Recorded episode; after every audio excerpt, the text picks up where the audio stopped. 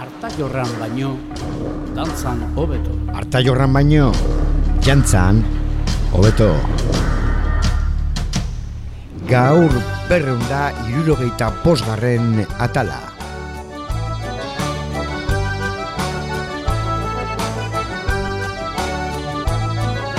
Baratzeko pikoak irutxorten ditu Dantzan da bilen horrek hankakarin ditu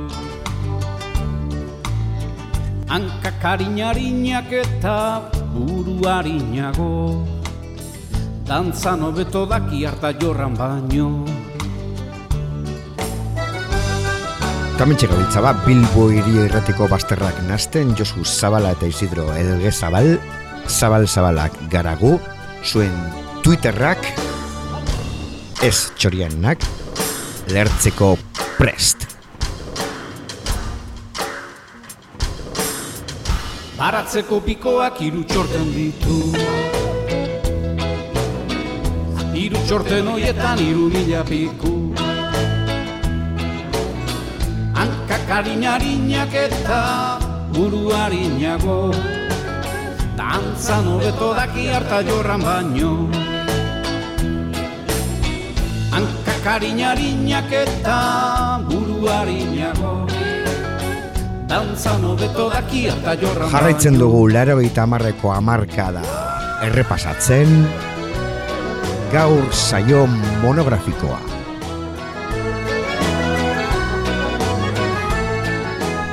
Kasba.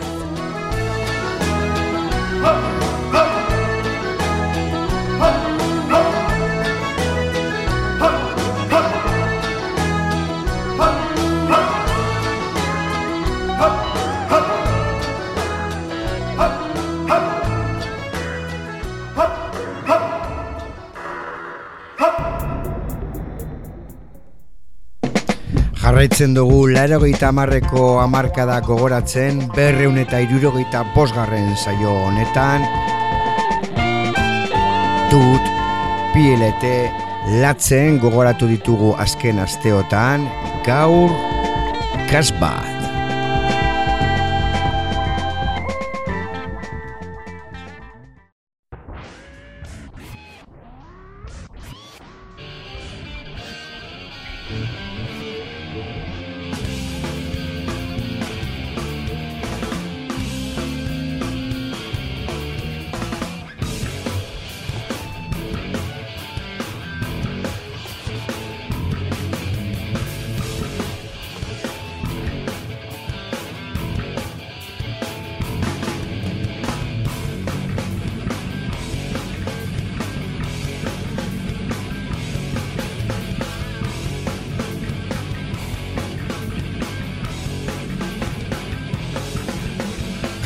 Taldea larogeita marreko amarkadan sortu zan errenterian.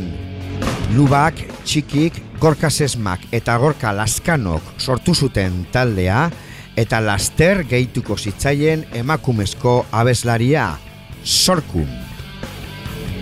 Kasbadek hasierako maketa bat grabatu zuen eta horren atzetik irudizko argiteratu zituzten. Kasbad, distantzia eta esiak. Zazpi urteko ibilbilaren ondoren taldea ustea erabaki zuten proiektu berriei heltzeko.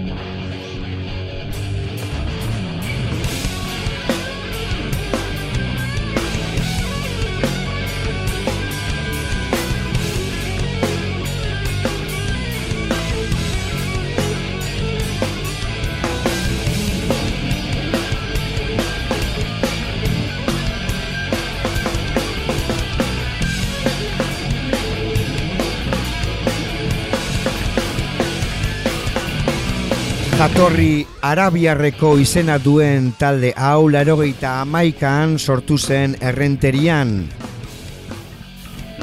Jarkoretik abiatutako rock melodikoa jorratzen zuten, baina horrez gain, abeslari sorkun rubio edukitzeak asko lagundu zien. Sorkunen agerpenak Euskal Herriko rokean sexuen arteko berdintasunaren aldeko bidea zabaldu zuen eta askorentzat eredu bihurtu ziren.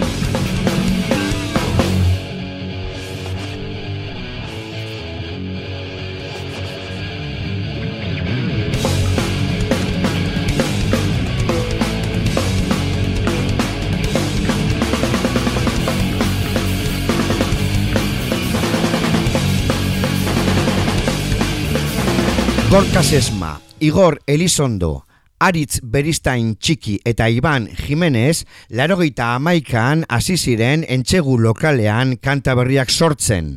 Abeslari batzuk probatu ondoren, azkenean, Solkun Rubio izan zen kasbat taldean sartu zena. Jarkorea egiten zuten, azkarra, latza, baina abeslariaren ahots timbre leunak goxotu egiten zuen emaitza. Larogeita amabostean errenteriako musika taldeen elkarteak kaleratutako bilduman kantu bat sartu zuten eta handik gutxira maketa grabatu zuten. Radio Terror taldeko Mikel González eta John Miner arduratu ziren soinu hartzeaz errenteriako soinu tailerrean. Kasetean sortzi kantu batu zituzten eta zeireun ale saldu zituzten bere alako batean.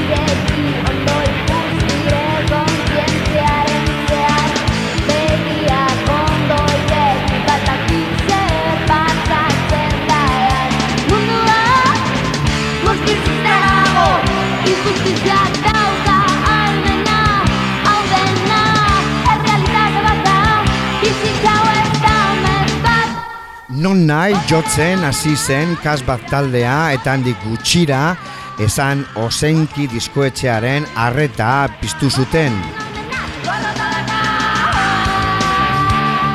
Horren ondorioz, negugorriak banda basoti edota radio benba bezalako taldeekin birak egin zituzten.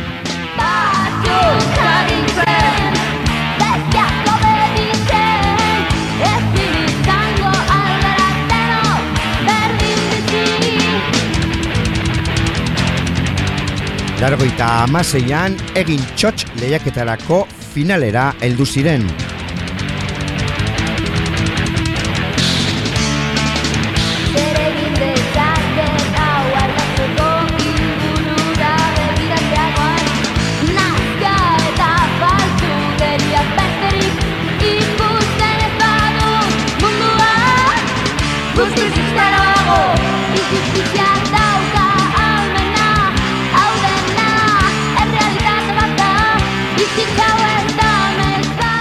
Hauze duzue, injustizia, kasbaden lehenengo maketatik, laro geita amairuan gaude.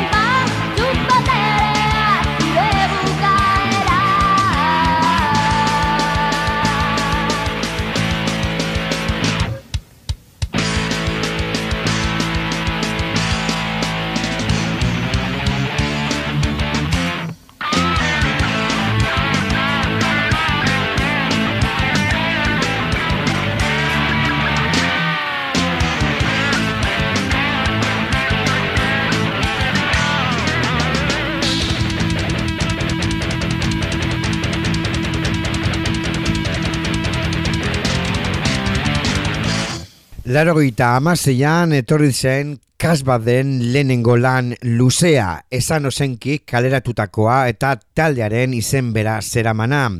Azkarateko katarain estudioetan grabatu zuten, ordurako gorka laskano batu zitzaien taldera eta txus ordezkatu egin zuten. Amabos kantu grabatu zuten lan honetarako, hoietatik bost maketatik berreskuratuta jarkorea eta rege ritmoak batzen zituzten. Lan honetatik batez ere egaz kantua izan zan oihartzun gehien lortu zuena. Azala Manolo Gilek diseinatu zuen lurra eta askatasuna ardatz dituelarik.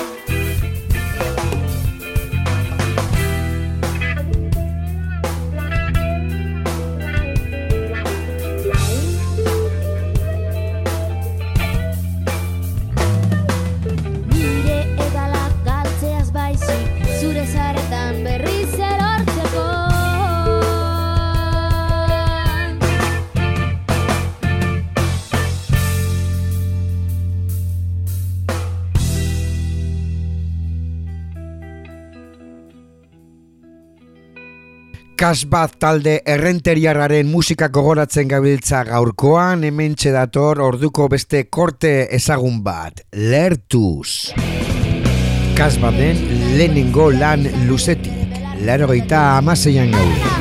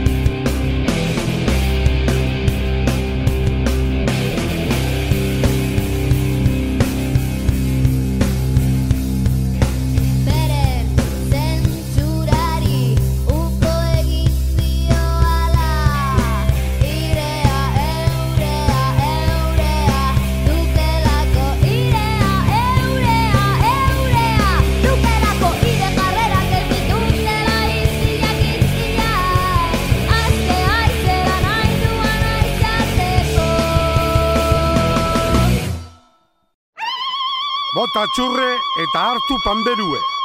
Hau da euskal musikaren txokoa. Artai horran baino jantza nobeto. Bilbo iria irratia. Artai horren baino jantza nobeto saioa entzuten zabiltzate entzuleok Bilbo iria irratian eta bilboiria.eus atarian arroza zareari eskerrere entzungai gaituzue Euskal Herriko zenbait irratitan. Eta hemen txegabiltza gaurko saio monografikoan kasbaz talde gipuzkoarra gogoratzen, larogeita amarreko amarkada gogoratzen.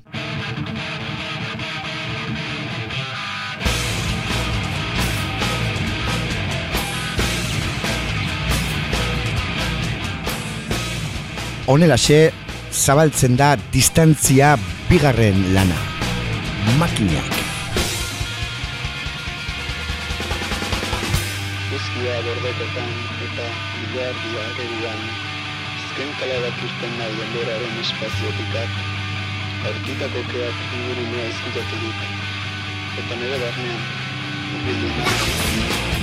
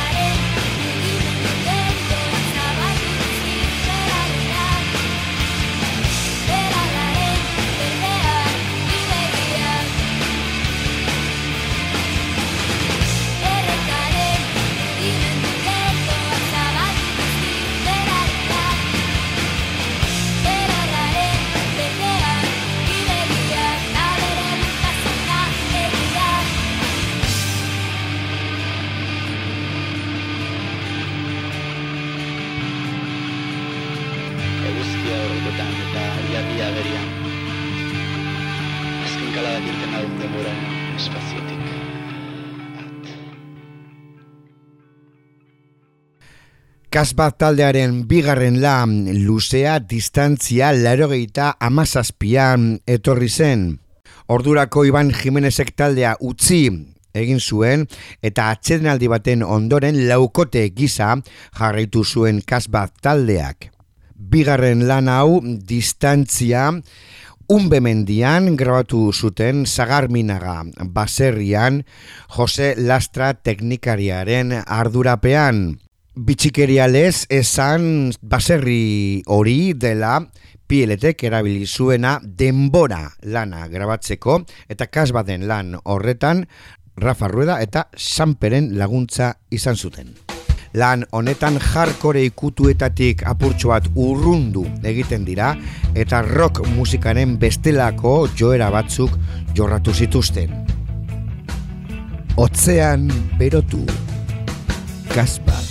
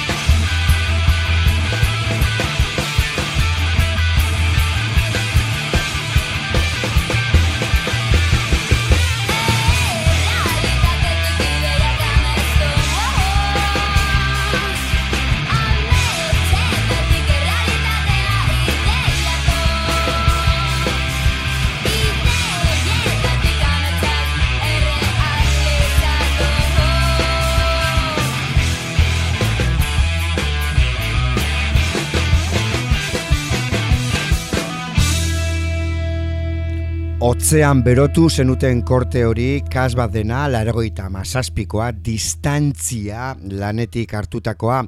Jarraitu egingo dugu lan horretako korteak gogoratzen, izan ere badugu zuzeneko bertsio bat, desio baten ekaitza kantuarena, hain zuzen ere disko honetakoa, eta zarean ere topa dezakezuena.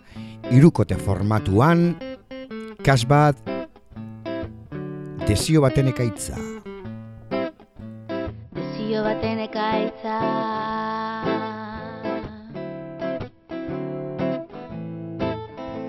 Desio baten ekaitza.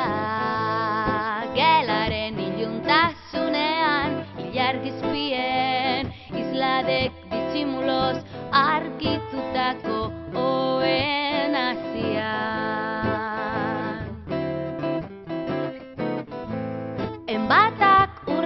urraturiko naufragoaren begiradak sortutako melankolia.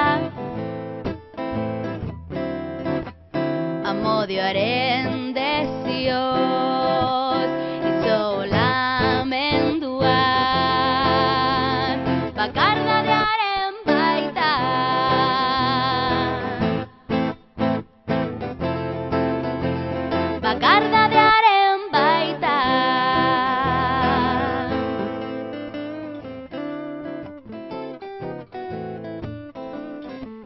Desio baten ekaitza. Maindire hotzen artean.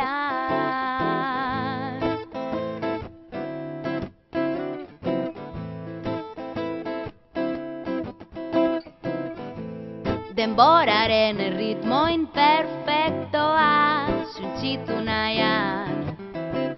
Desioan itotzea jolaza balitz Espainesen yeah.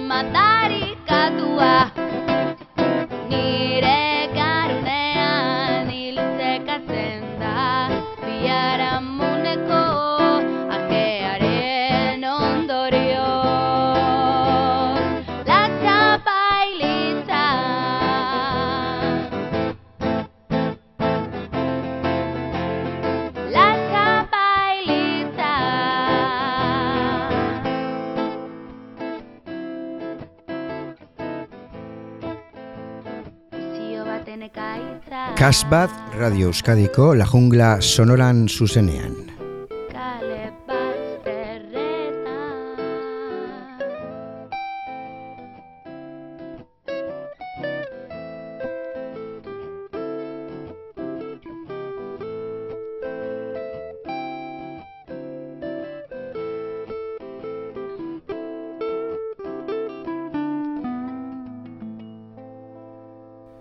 Larogeita emeretzian, irugarren diskoa izango zenaren kantuak idazten hasi zirenean, Gorka Laskano bajujolea atxilotu eta espetxeratu egin zuten.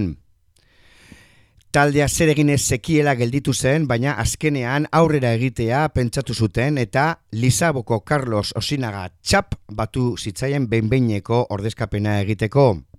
Hirugarren lan hau Tiopete estudioetan urduli zen grabatu zuten eta Jose Lastraren gidaritzapean egin zuten berriro ere.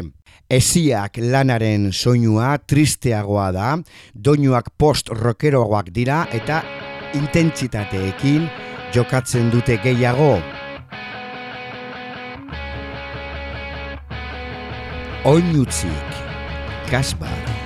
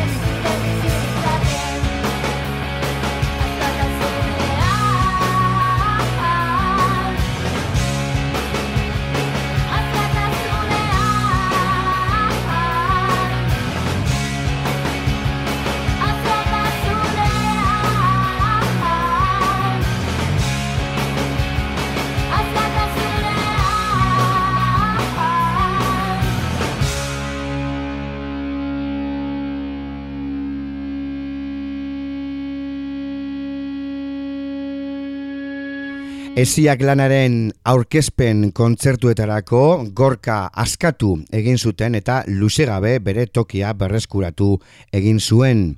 Hirugarren lan honen ondoren handik gutxira gazteizko gaztetxearen aldeko gaztetxeak martxan bildumarako zuen eskaparateetan kantu berria grabatu zuten eta horixe izan zen kasbatek utzitako azken alea sasoi hartan.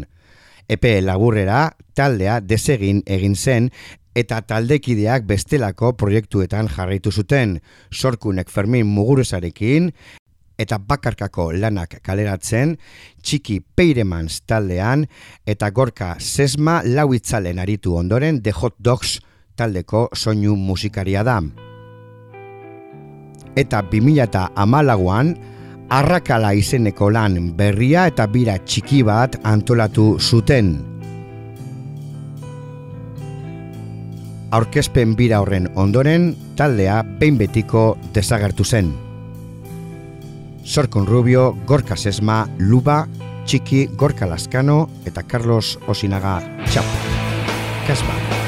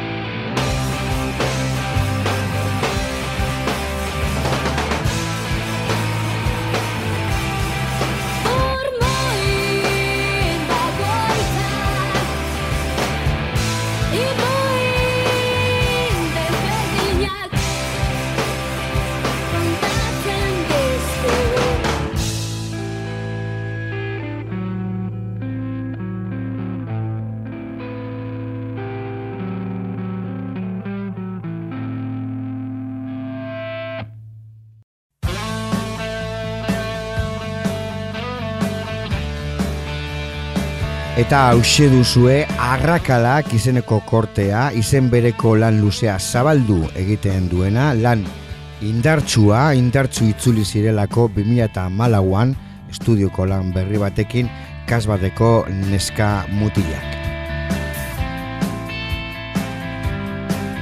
2008an laukotelez itzuli ziren Sorkun Rubio, Gorka Sesma, Gorka Laskano eta Aritz Beristain Txiki. Gaur ez du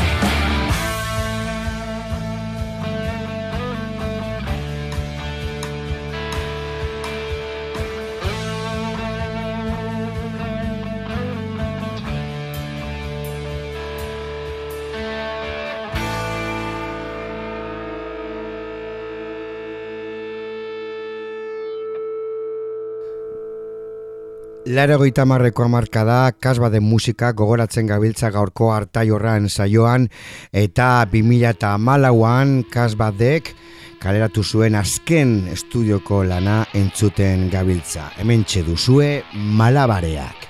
Kasbat 2008an. Lehenago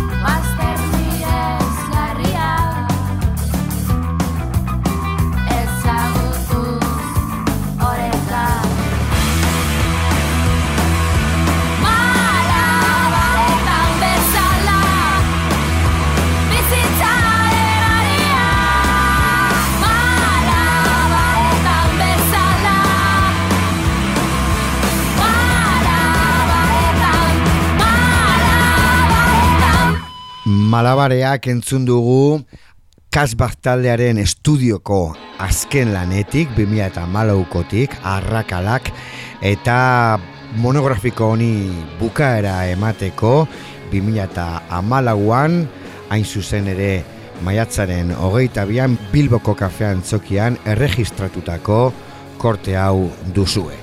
Agurtzeko gaurko kasbadi eskenitako monografikoa.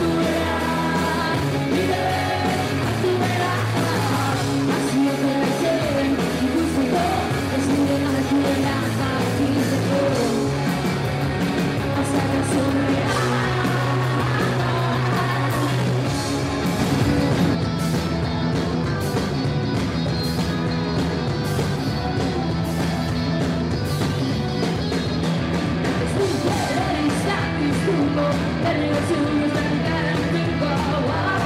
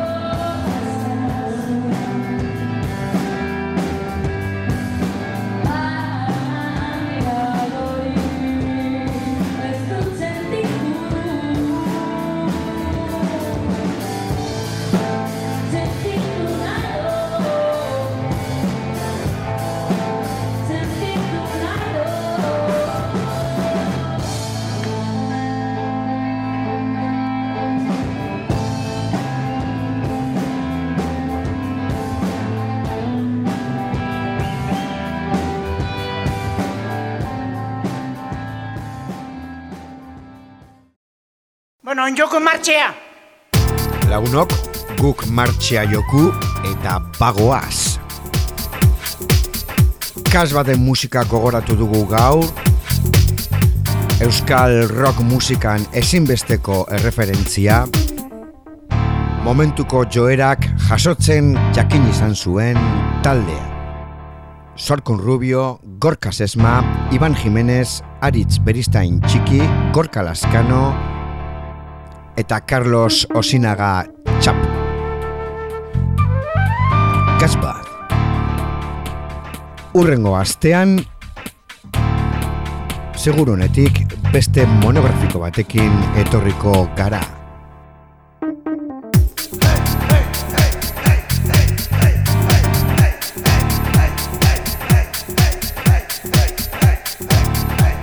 Arta jorran baino jantzan, hobeto, FM kolaragoita an bilboiria.eus atarian, eta entzungai Euskal Herriko zenbait irratitan arroza zareari esker.